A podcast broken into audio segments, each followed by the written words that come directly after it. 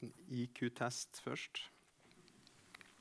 Eh, når dere spør en søndagsskolelærer om å tale, da blir det en del stæsj som skal med på scenen her. Sikkerhetsnåler og sprittusj og sånn.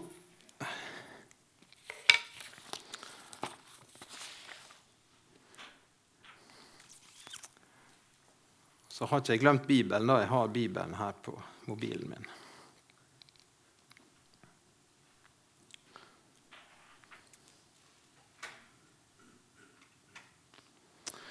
Og vi skal lese sammen fra Filippabrevet 3.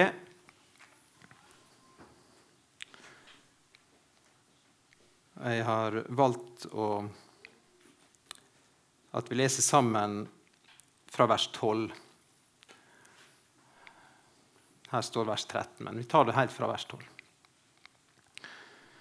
Eh, jeg mener ikke at jeg alt har nådd det, eller at alt er fullkomment, men jeg jager etter det for å gripe det, for jeg sjøl gripen av Jesus Kristus. Mine søsken, jeg tror ikke om meg sjøl at jeg har gripet det, men ett gjør jeg. Jeg glemmer det som ligger bak, og strekker meg mot det som er framfor.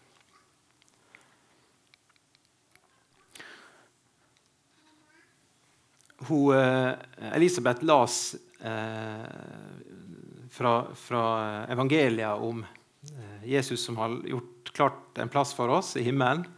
Og Det syns jeg var veldig fint nå når det er første søndag i advent. Og når vi leser tekstene fra Filipperbrevet, så, så handler det om mange ting. Eh, og en av dem er at Vi merker at Paulus han har utrolig lyst til å komme til himmelen så fort som mulig. Han skulle helst vært der i går.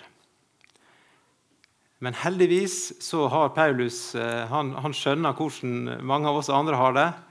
Han skjønner at vi skal leve her på jorda, og han har et budskap til oss som er her i misjonssalen, og som ønsker å, å å leve noen gode år eh, sammen med hverandre og sammen med Jesus her på jorda.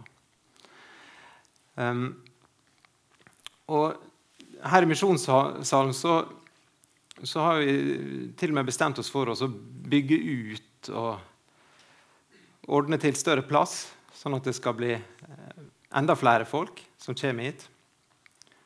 Vi skal rive vegger og slå taket vekk, og sånn at det skal bli enda bedre plass til å, til å tjene Jesus. At vi kan få bruke nådegavene våre her i misjonssalen.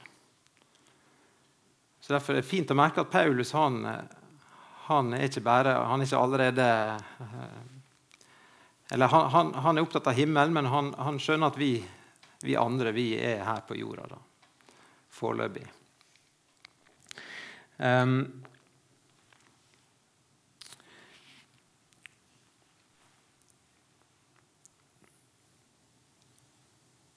Mine søsken, jeg tror ikke om meg sjøl at jeg har grepet det, men ett gjør jeg. Glemmer det som ligger bak, og strekker meg mot det som er framom. Vi vi skal rive vegger, og vi skal, uh, vi skal utvide her i misjonssalen. Og det tror jeg er veldig bra.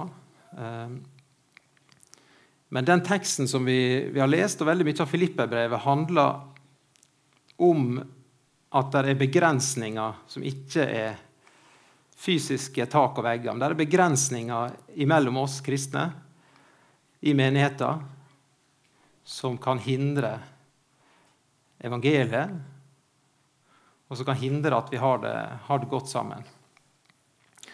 Um,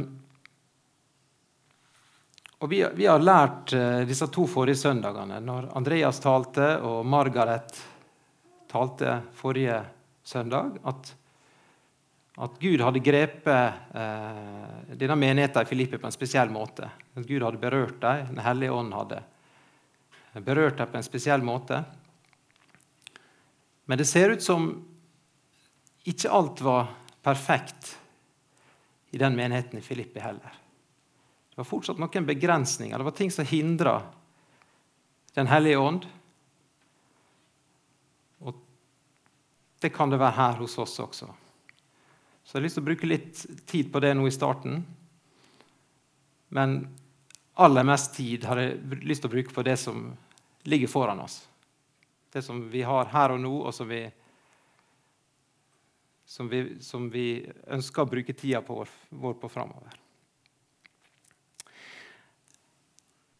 Andreas han fortalte den første søndagen om at den menigheten i Filippi var en litt spesiell menighet i, i, i den første kristne tida. På den måten at eh, det var en sentral by i Romerriket.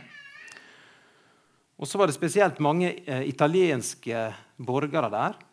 Dere som husker det, den eh, historieleksjonen der. Og det var, det var italienere, det var grekere, tyrkere. Eh, og ikke så veldig mange jøder i den eh, byen. Og Den kristne menigheten der den var ikke sentrert rundt synagoga, sånn som det ofte var i de første kristne menighetene. Eh, menigheten var mer variert, og det var folk med veldig forskjellig bakgrunn som var der.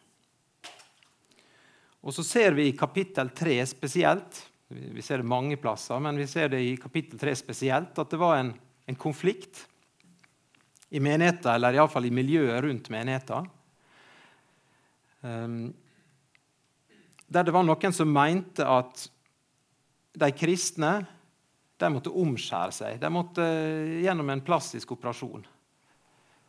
Og de måtte følge alle de jødiske forskriftene hvis de skulle være kristne.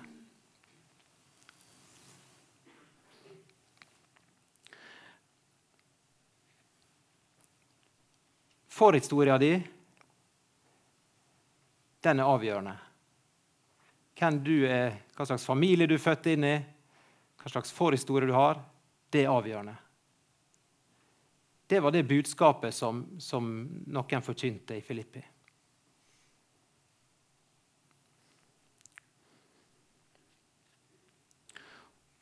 Og så var det som, det var det som gjorde Paulus så veldig engasjert, at han hissa seg ganske kraftig opp. Fordi forholdet vårt til Jesus det er ikke avhengig av vår forhistorie. Vårt forhold til Jesus er ikke avhengig av vår forhistorie. Det er ikke avhengig av hva slags familie vi er født inn i. Og Det var det Paulus var aller mest opptatt av å formidle til, til menigheten i Filippi. Og Det er egentlig det som er mitt budskap til dere også i dag.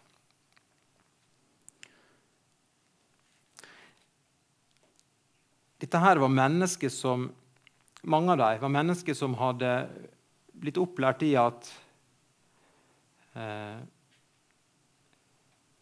at Gud han hadde veldig detaljerte forskrifter for hvordan en skulle leve. At Det aller viktigste det var å holde sin sti rein. Det var å se seg tilbake, holde sin sti rein, og ikke være så opptatt av de mulighetene som som lå foran.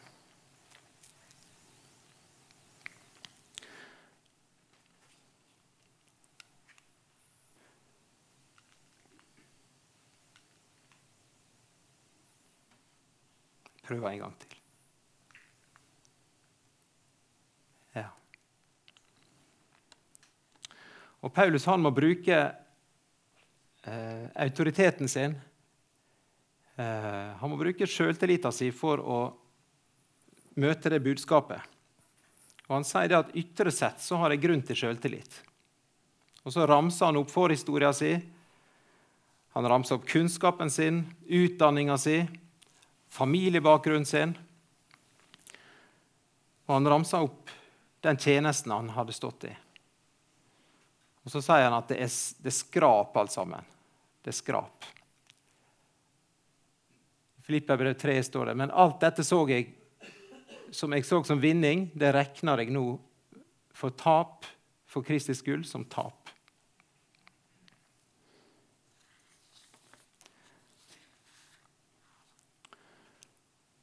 Jeg vet ikke om det er Dere, dere syns det er lett å engasjere dere i det budskapet til, til menigheten i Filippi. Eh, noen av oss har brukt litt tid på det. sånn at det,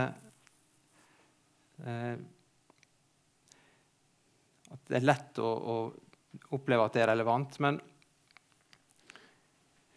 hvis vi tenker på vår menighet her i Misjonssalen, så er det jo en, en menighet som har en, en gammel og, og, god eh, forhistorie.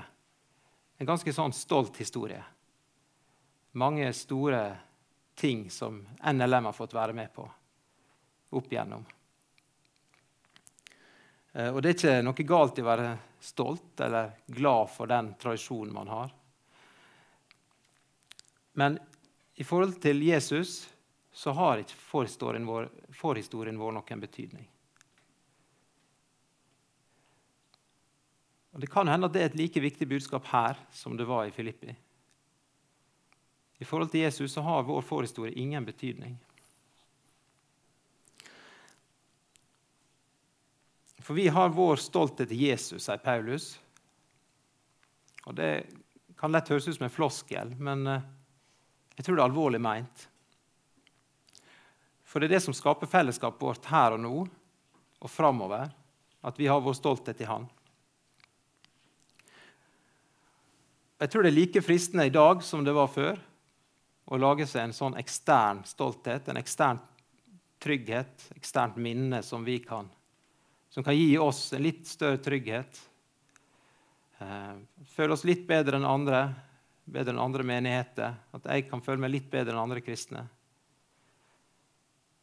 Eh, kanskje det kan være trygt i forhold til at det, hvis vi fokuserer mest på det som er gjort, så, så kanskje, en slipper, kanskje en slipper å tenke på de tingene Jesus ønsker å utfordre meg til.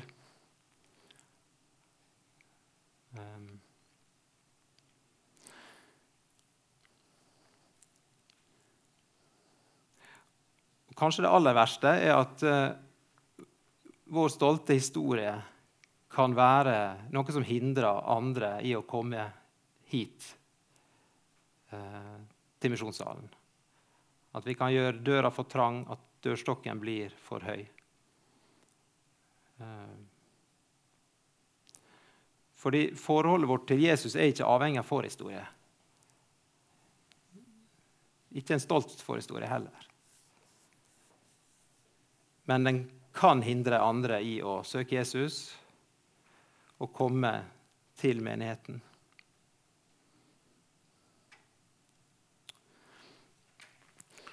Det er ikke sikkert alle liksom sitter og føler så veldig sterkt på en sånn stolt uh, forhistorie her dere sitter i dag. Da. Men, men det er, der er en stolt historie her i Misjonssalen og i NLM. Men det er ikke sikkert dere føler på det. Um, for, for, det ordet forhistorie det kan jo like gjerne være en, ha en negativ klang for oss. Eh, det kan være en dårlig forhistorie. En uh, ubehagelig forhistorie.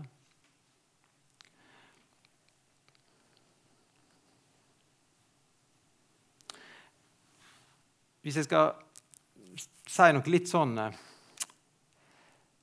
ja, Jeg skal helst ikke si noe Nå, skal jeg si noe som høres litt sånn uh, flåsete ut, men jeg har jo tenkt forferdelig lenge på det. da. Så det er jo ingen unnskyldning. Men av og til så tenker jeg på oss her i misjonssalen, og meg sjøl inkludert, som folk, sånne folk som nesten ikke gjør noe gale, men tenker fryktelig hardt på de få syndene de gjør tenker på som noen som nesten aldri gjør noe gale, men tenker veldig hardt på de få syndene vi gjør.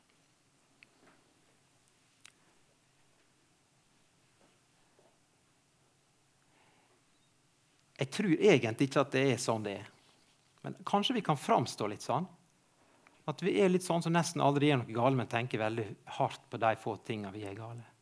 Men sannheten er jo at vi og våre forhistorier er ikke noe annerledes enn det historien til andre folk. Og vår forhistorie er fortsatt ingen hindring for vårt forhold til Jesus.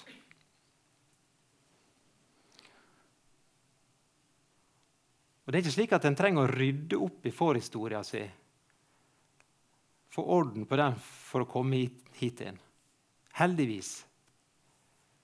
For hvis vi Hvis vi måtte ordne opp i forhistorien vår før vi kom hit til misjonssalen, så hadde ikke det vært fullt i salen. Det hadde ikke vært behov for å bygge ut hvis misjonssalen er kun for folk som har ordna opp i historien sin.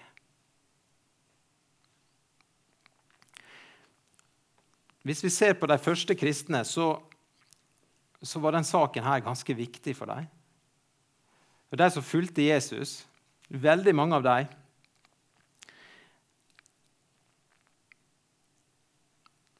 For veldig mange av dem så var forhistorie et skikkelig belasta ord. Det, det, tror jeg dere, dere vet, alle sammen. Det var mennesker med en veldig dårlig forhistorie. Og de hadde forhistorie som det ikke var nubbesjanse å rydde opp i engang. Det var bare lost. Det var, det var umulig å få orden på det. Mange av dem hadde levd liv som hadde gjort uopprettelig skade på seg sjøl eller uopprettelig skade på medmenneskene sine. Det var røvere. Og røvere i Bibelen det er ikke sånne vanlige røvere, sånne som sniker seg inn i carporter og tar med seg en sparkesykkel. og sånt. Altså Røvere på den tida det var folk som tok livet av andre. Det var tollere, eh, svindlere som sikkert hadde eh, ansvar for at næringsdrivende hadde gått konkurs. Og det var ikke det samme som å gå konkurs i dag. Og det var folk som brøt ekteskapet, ikke bare én gang, men mange ganger.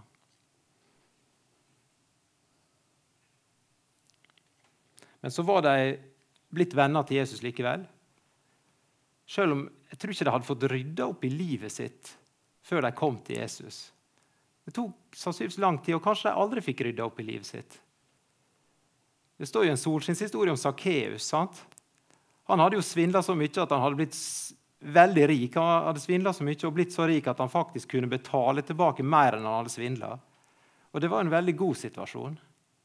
Så han fikk kanskje gjort opp. Men jeg er sikker på at mange av de andre de, fikk, fikk, de hadde ikke sjans å gjøre opp det de hadde stelt i stand.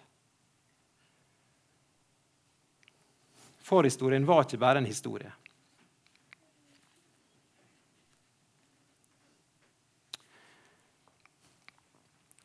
Men så er det et lite men i Filipperbrevet. Eh, og det, det, skal vi ta med for å være helt realistisk. Og det, det er en type forhistorie i, i Bibelen som, som kan hindre oss i å ha et forhold til Jesus. Det er én type forhistorie som kan hindre oss å ha et forhold til Jesus. og Det står det om i slutten av, av Filippe-brevet. Hva slags forhistorie kan det være? Noe som er verre enn å være en svindler, verre enn å bryte ekteskapet. Der står om noen som er fiende av Jesus sitt kors. Det står om noen som ikke ber om tilgivelse. Det står om noen som setter sin ære i skam som, som hever seg over, og som setter sin ære i skamma.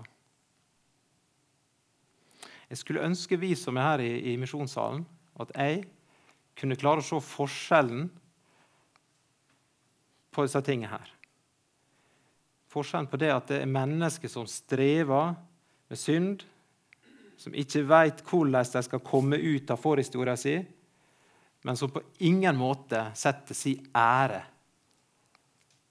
i forhistoria sin. Jeg har møtt noen slike. Det er viktig at vi ikke krever at folk skal rydde opp i livet sitt først, og så komme til Jesus etterpå.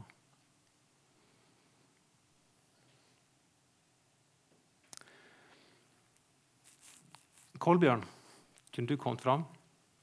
Supert. Jeg har en assistent, skjønner du. Kolbjørn er en perfekt eh, assistent. Søndagsskolelærerassistent.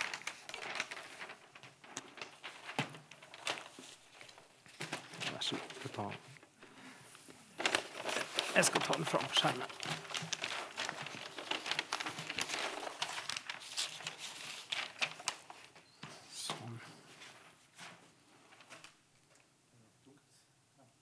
Ja, skal vi se om vi finner Tar ei bok, jeg.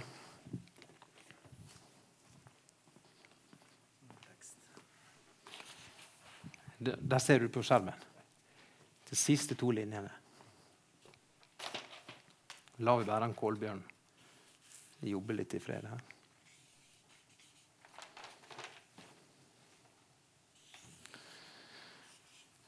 Kanskje er det noen her i misjonssalen som,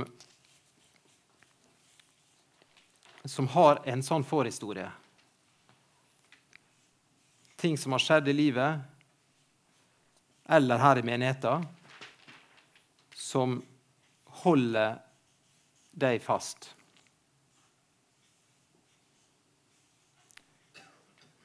Da håper jeg at du gjennom forkynnelse, gjennom fellesskapet her,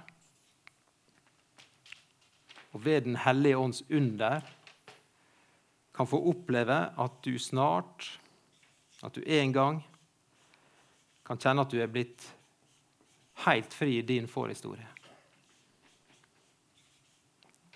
Jeg veit ikke hvordan det kan skje, når, men jeg veit at det er mulig at Den hellige ånd kan ta bort og fri oss fra den forhistoria som vi har med oss.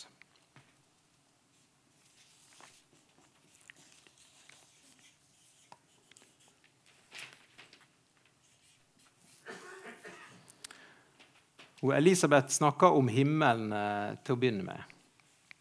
At det var laga plass et rom i himmelen. Det var god plass i himmelen. Ingen begrensninger der. Vil du hjelpe meg å henge opp eh, også? Skal vi se om vi finner noe. Tar du ut litt sånn her? Liksom skal jeg.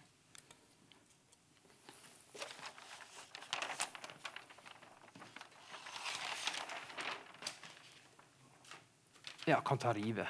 Det går bra. Nå blir ikke pyntekomiteen så veldig fornøyd, men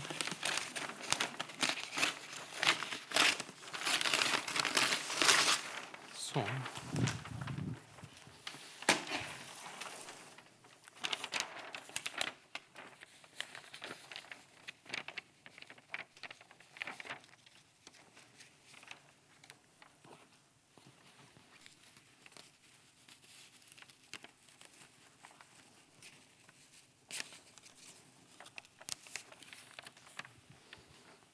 På midten. Det går bra, det.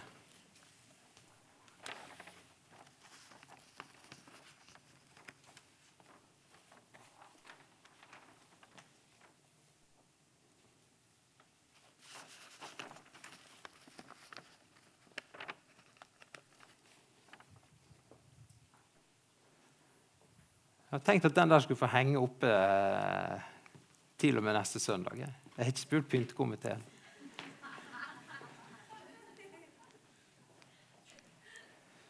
Men eh, jeg syns det er fint og, med pynt, og det var veldig, veldig flott. Men eh, det er viktig at vi husker det her. Så det er flott at Kolbjørn kunne hjelpe meg med det. Sitte i styret. At det her er helt klart for oss alle. At når en kommer til misjonssalen, så, så har vår forhistorie vår bakgrunn ingen betydning i forhold til vårt forhold til Jesus. Og så har det, så har det jo litt betydning sant, i forhold til hvordan vi har det vi imellom. Sant? For vi liker jo kanskje med de folka vi ligner på, føler god kjemi med og sånne ting. Men så har jeg lyst til å si noe til slutt noe om at det, det er vårt ansvar at dette her også gjelder oss. At de vi er sammen med, kan oppleve at dette er sant. At vi kan glemme det som ligger bak, og vi kan sammen få strekke oss etter det som er foran. Det er ikke alltid enkelt, det er ikke alltid så, så fint og flott, men det er det Jesus har kalt oss til.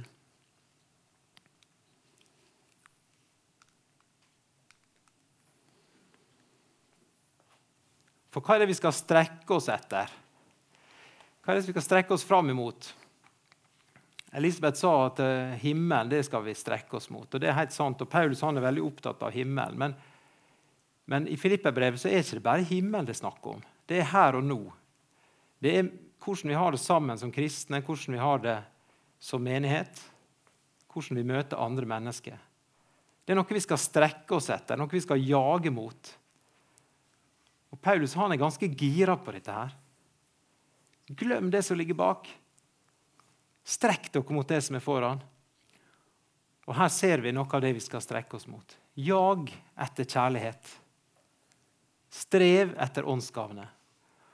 Og så ser vi I det samme kapittelet i Korinterbrevet så ser vi hvordan Paulus beskriver menigheten, om fellesskapet som skal være en enhet. Vi er et lem eh, på, på det samme legemet. Vi er avhengige av hverandre. Det er et fellesskap uten hindringer, uten begrensninger, uten, uten motsetninger.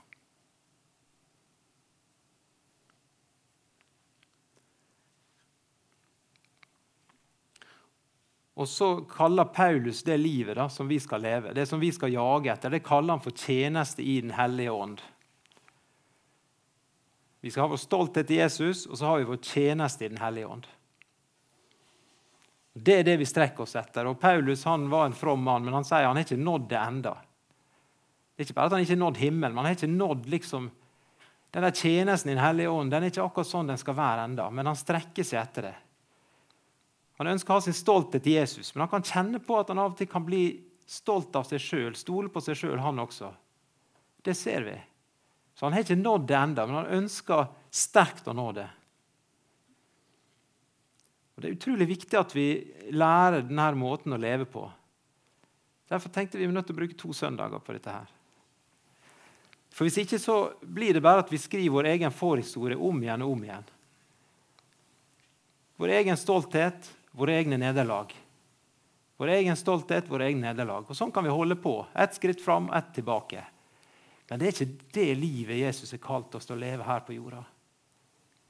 Det er ikke det livet Jesus har kalt oss til å leve. Han har kalt oss til å jage mot kjærligheten, mot fellesskapet, mot en tjeneste i Den hellige ånd.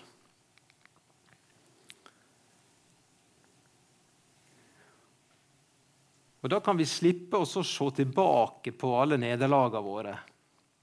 Vi kan slippe å, å, være så opptatt av alle andre sine nederlag, andre sine forhistorier. Paulus han ønsker at vi skal rette oppmerksomheten framover mot tjenester i Den hellige ånd, om kjærlighet, tilgivelse, som venter på oss rundt neste sving. Vi har fått masse tilgivelse i livet som ligger bak oss. Massevis. Men Jesus sier der er uendelig med tilgivelse i vente. Ikke stress med det. Der er tilgivelse rundt neste sving. Og Da går det an å leve. Da kan vi ta sjansen på å leve i frihet. Sant? Da, da kan vi ta sjansen på å leve i frihet. Vi kan ta sjansen på å leve for andre ta nye utfordringer. Fordi det kristne livet handler ikke bare om å holde sin egen sti rein. ikke sant? Det handler om at vi har et ansvar også for andre. Hvis noen av dere er nye her i Misjonssalen og ikke kjenner Bibelen så veldig godt, så er det klart at det, der, det å snakke om Den hellige ånd, det, det kan høres rart ut. Men vi som går i misjonssalen, vi tror på Den hellige ånd. Vi tror at Den hellige ånd er en virksom kraft. Vi bekjenner at det er en, en person i den treenige Gud som bor i meg, og som kan forandre mitt liv, og som kan forandre menigheter.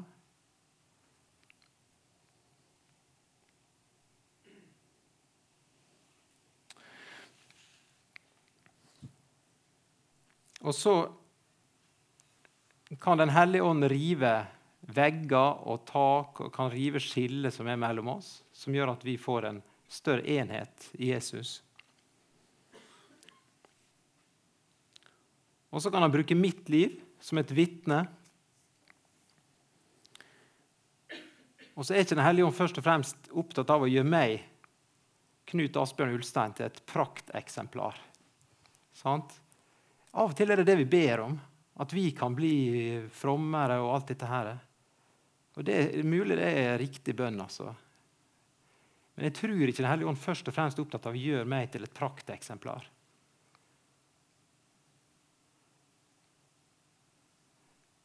Jeg tror Den hellige ånd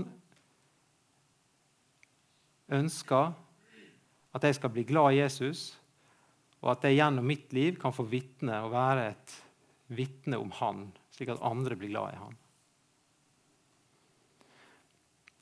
Og Det som er så fantastisk med det, da, det er at han kan bruke forhistoria mi. Han kan bruke forhistoria di til å vitne om Jesus.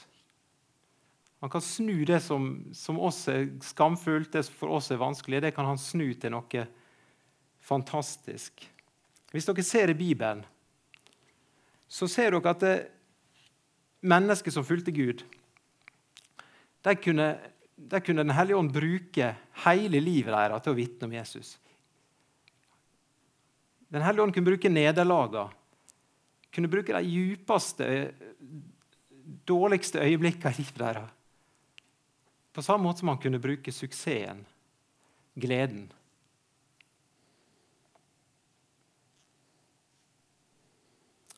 Den hellige ånd kan bruke de gode historiene, han kan bruke de dårlige historiene. Han kan bruke livet mitt slik som det er.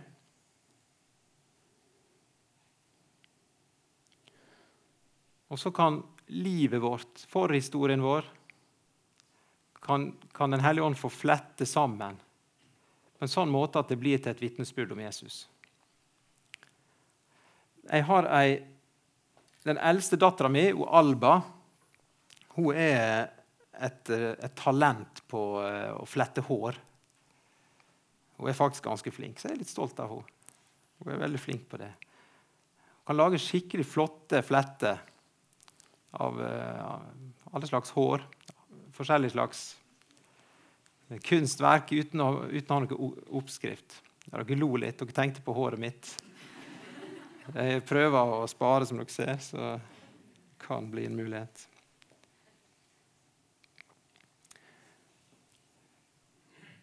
Så hadde jeg lyst til at det, når dere ser ei, ei skikkelig flott hårflette framover, så hadde jeg lyst til at dere skulle huske på Den hellige ånd. Fordi Den hellige ånd kan flette våre liv, våre forhistorier.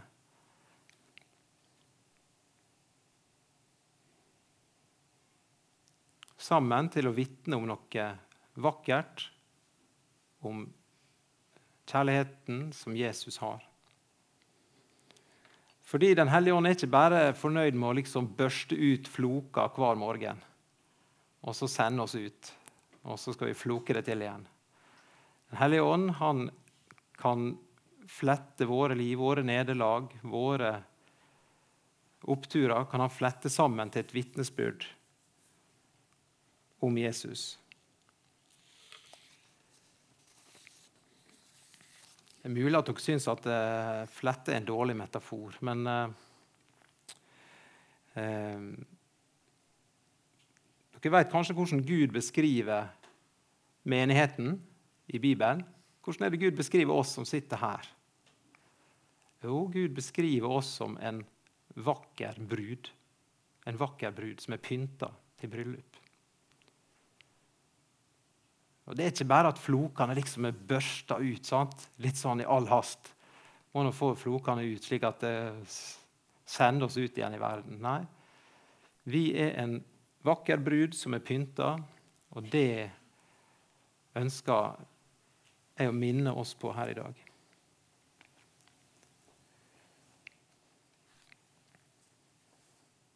Jeg glemmer det som ligger bak, strekker meg mot det som er framfor.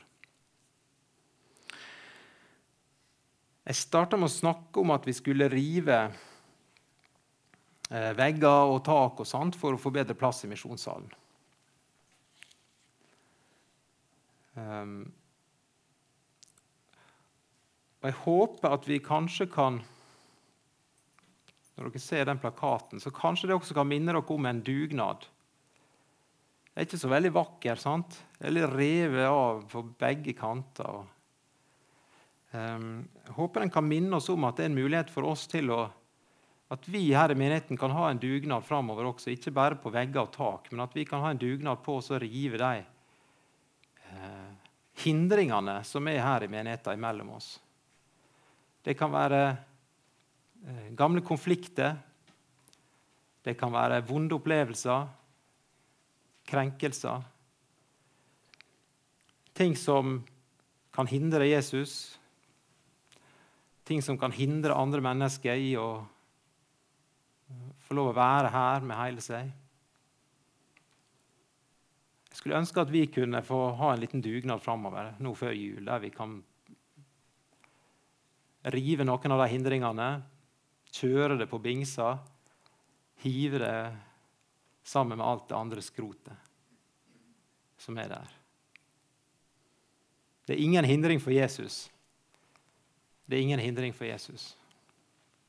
Men det hadde vært godt for oss som fellesskap å få rydda unna det som stenger mellom oss her. Og det som kanskje holder noen ute fra forsamlinga vår. Men det aller viktigste det er at vi ikke venter til det blir perfekt. Sant? Det fins sånne fine emaljerte skilt der, sant? sånn som damene bruker å kjøpe. Jeg syns den plakaten er like fin. Spesielt når Kolbjørn skrev den. Vi må ikke vente til det blir perfekt. Vi har en fantastisk tjeneste i Den hellige ånd i dag. Og så må vi minne hverandre på, sånn som Paulus skriver i Filipperbrevet på slutten av kapittel 2. Margaret las det sist. så sikkert dere husker det. På slutten av kapittel 2 så står det et budskap til menigheten i Filippi. Dere stråler som stjerner. Dere stråler som stjerner i nattemørket. Og Det har jeg lyst til å si til dere, uansett hvordan det føles. Ikke en fullkommen menighet, men dere stråler som stjerner i nattemørket. Vi stråler som stjerner i nattemørket. Ikke se på begrensningene. De kan Jesus ta seg av. Og vi kan rydde opp i det sammen så kan vi få lov å stråle som stjerner allerede nå. Og så har vi stolthet til Jesus.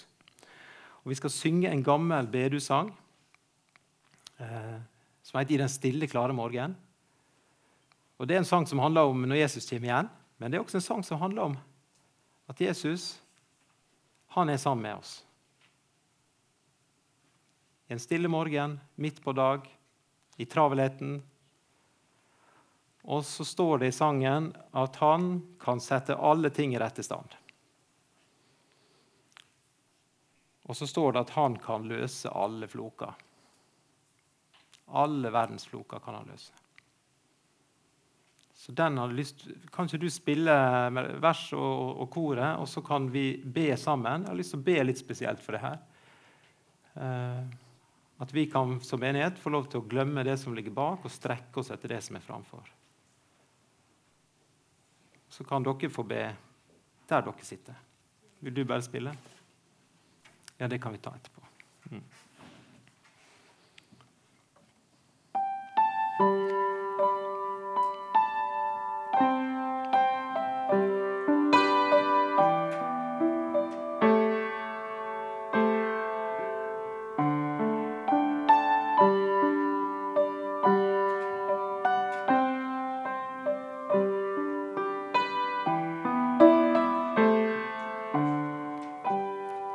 Jesus, nå ber jeg om at du kan eh, hjelpe oss å glemme det som ligger bak.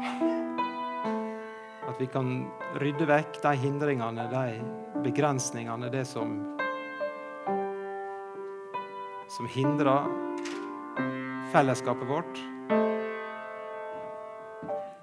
Og så at vi kan få lov til å strekke oss etter deg, og at vi kan få lov å leve en tjeneste i Din Hellige Ånd, sånn som vi er, med livet vårt, og at vi kan få tro at det, vårt liv kan stråle, fellesskapet vårt kan stråle, fordi det er du som Det er du som er Herre, som kan bruke alle.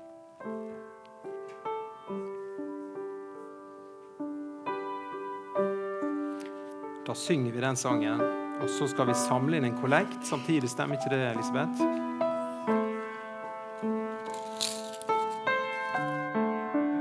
En tar kontakt med meg etterpå hvis det er noen spørsmål.